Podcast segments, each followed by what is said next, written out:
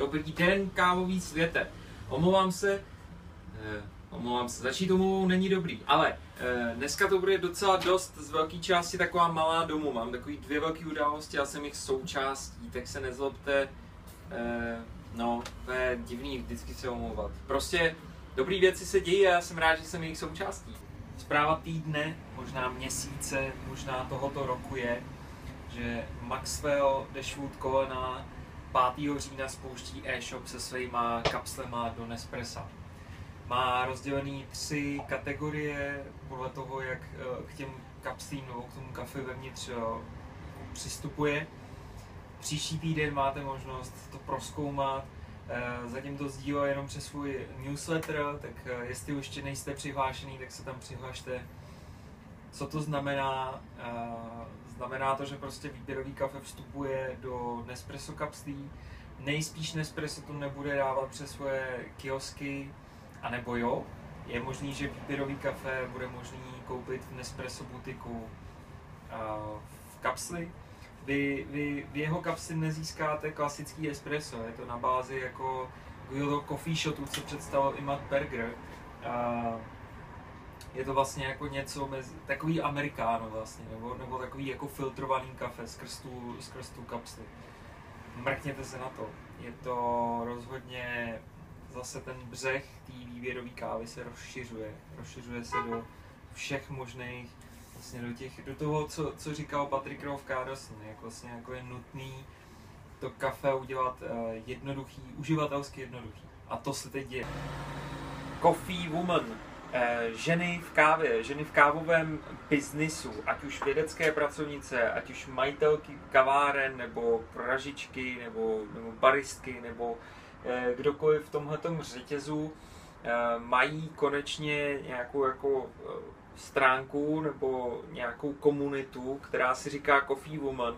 A Matt Berger pro ně teď nechal udělat jako prostor na svém v tom newsletteru Barista Hustle, takže Eh, teď tam bylo jako spousta článků od nich, ženy se vyjadřují k tomu, s čím se potýkají a nepotýkají, takže pokud jste, pokud jste třeba ženou v kávovém biznisu nebo vás eh, prostě tahle ta genderová tématika zajímá, eh, tak určitě Coffee Woman je taková nová, nová věc. Teď nedávno bylo, bylo i sympózium, na kterým jsem viděl fotky, kde, kde byla Péťa Veselá třeba, nebo Míša Paselková, kterou znáte z, z jednoho z rozhovorů, tady, tady z kolejí ničení.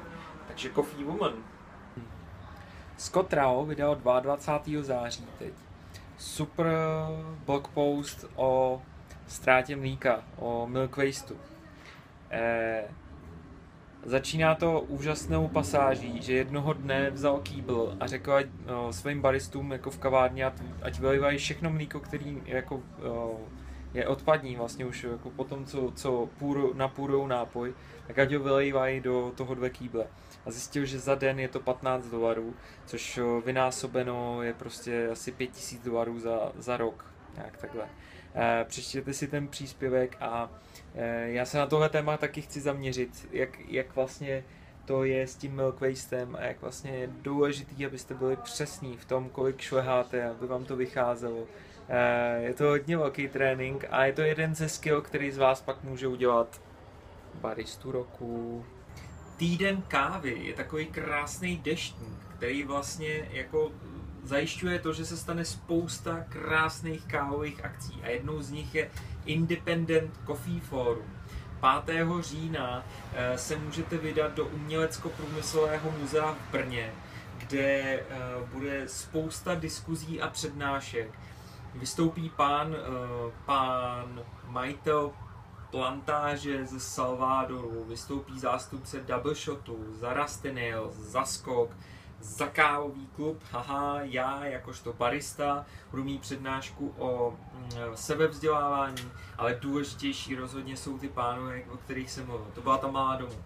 E, přijďte, je to opravdu krásná věc, která vlastně má popsat celý ten proces a celý ten řetěz od toho kafe, jak rostlo, až po to, když se dostane do vašeho šálku. To krásný, já se na to strašně těším, tak přijďte tam, 5.10. tedy budeme společně na Independent Coffee Forum a 6.10. nikam rozhodně neodjíždějte, ani já neodjedu, protože půjdu na rebelský piknik před Local Barbershop. Uh, Street Picnic Volume 7, jo, je to tak, Volume 7, který pro nás pořádají. Bude spojen uh, s takovým hodně už odvážným a hodně, uh, hodně už zaměřeným cuppingem na jednu oblast Etiopie, Biftu Gudíňa. Různé druhy pražení od různých pražičů, z různých loftů, ale opravdu jenom v téhle, v téhle oblasti Biftu Gudína. A já se na to strašně těším. E, dostali jsme se k tomu tak jako náhodou. Pán, e, úžasný pán e, kavárník z ústecké kavárny Coffee Up mi přinesl, když jsem tam byl, s kávovým klubem na nějaký akci, tak mi přinesl ochutnat svůj, svůj V60, svůj brew, a já na to koukám, ještě to fotím, že jo, dávám to na Instagramech, juhuhu, a píšu, že to je super, že to můžu takhle porovnat, jak si, jaký přístup má třeba uh, Five Elephant. A teď všichni báční kamarádi, ať už je to, ať už je to uh, Verča Gálová Veselá, napsala, že Gardely má taky biftu, kluci právě z Rebelu napsali, uh, Adelka z, z toho, z Dos Mundos a najednou jsme se sešli a řekli jsme si, ježíš to by bylo super to takhle jako na blind cuppingu porovnat. Tak za náma přijďte a přijďte to s náma okoštovat. Eh, pro dnešní okýnko kávových znalostí jsem si vybral podcast, který se jmenuje Coffee 8. Eh, dáma cestuje od plantáže na plantáž, vynikajícně, vynikajícně, to je slovo, vynikajícně mluví španělsky a vy se s ní vydáte na různý produktový cuppingy, ale eh, jak už tomu tak bývá, jak jsem se taky nechal na, nachytat na zvučný jméno a tím rozhodně je Matt Perger, o kterém už jsem dneska mluvil, eh, udělala rozhovor s Matem Pergrem a je to krásný průřez tím, abyste pochopili, jak vlastně vypadá uh, opravdu jako někdo, kdo, kdo řeší tu vědeckost v kafi. Eh, vysvětluje tam vlastně Matt Berger i svoje kořeny, že on jednou vlastně zkoušel postavit kávovár, že od té doby se tomu věnuje. Jestli, jste, jestli si pamatujete na přednášku o budoucnosti kávy, kdy, kdy to řešil v rámci jako superautomatů, tak to už mi konečně do, do cvakává, proč to udělal, protože v tom podcastu vlastně řekne, že buduje eh, super automat, který jako nebude eh, špatný a bude dělat skvělé kávu. Až tohle to udělá, tak se to tady všechno zblázní, baristi nebudou mít co žrát. budou, protože, jak říká, v jedné přednášce budou super baristi rozdělený na, na ty social, na chování k zákazníkovi a na ty, na ty technické, které jsem tu postavil. Tak jo, bylo to nevyčerpávající, mějte se.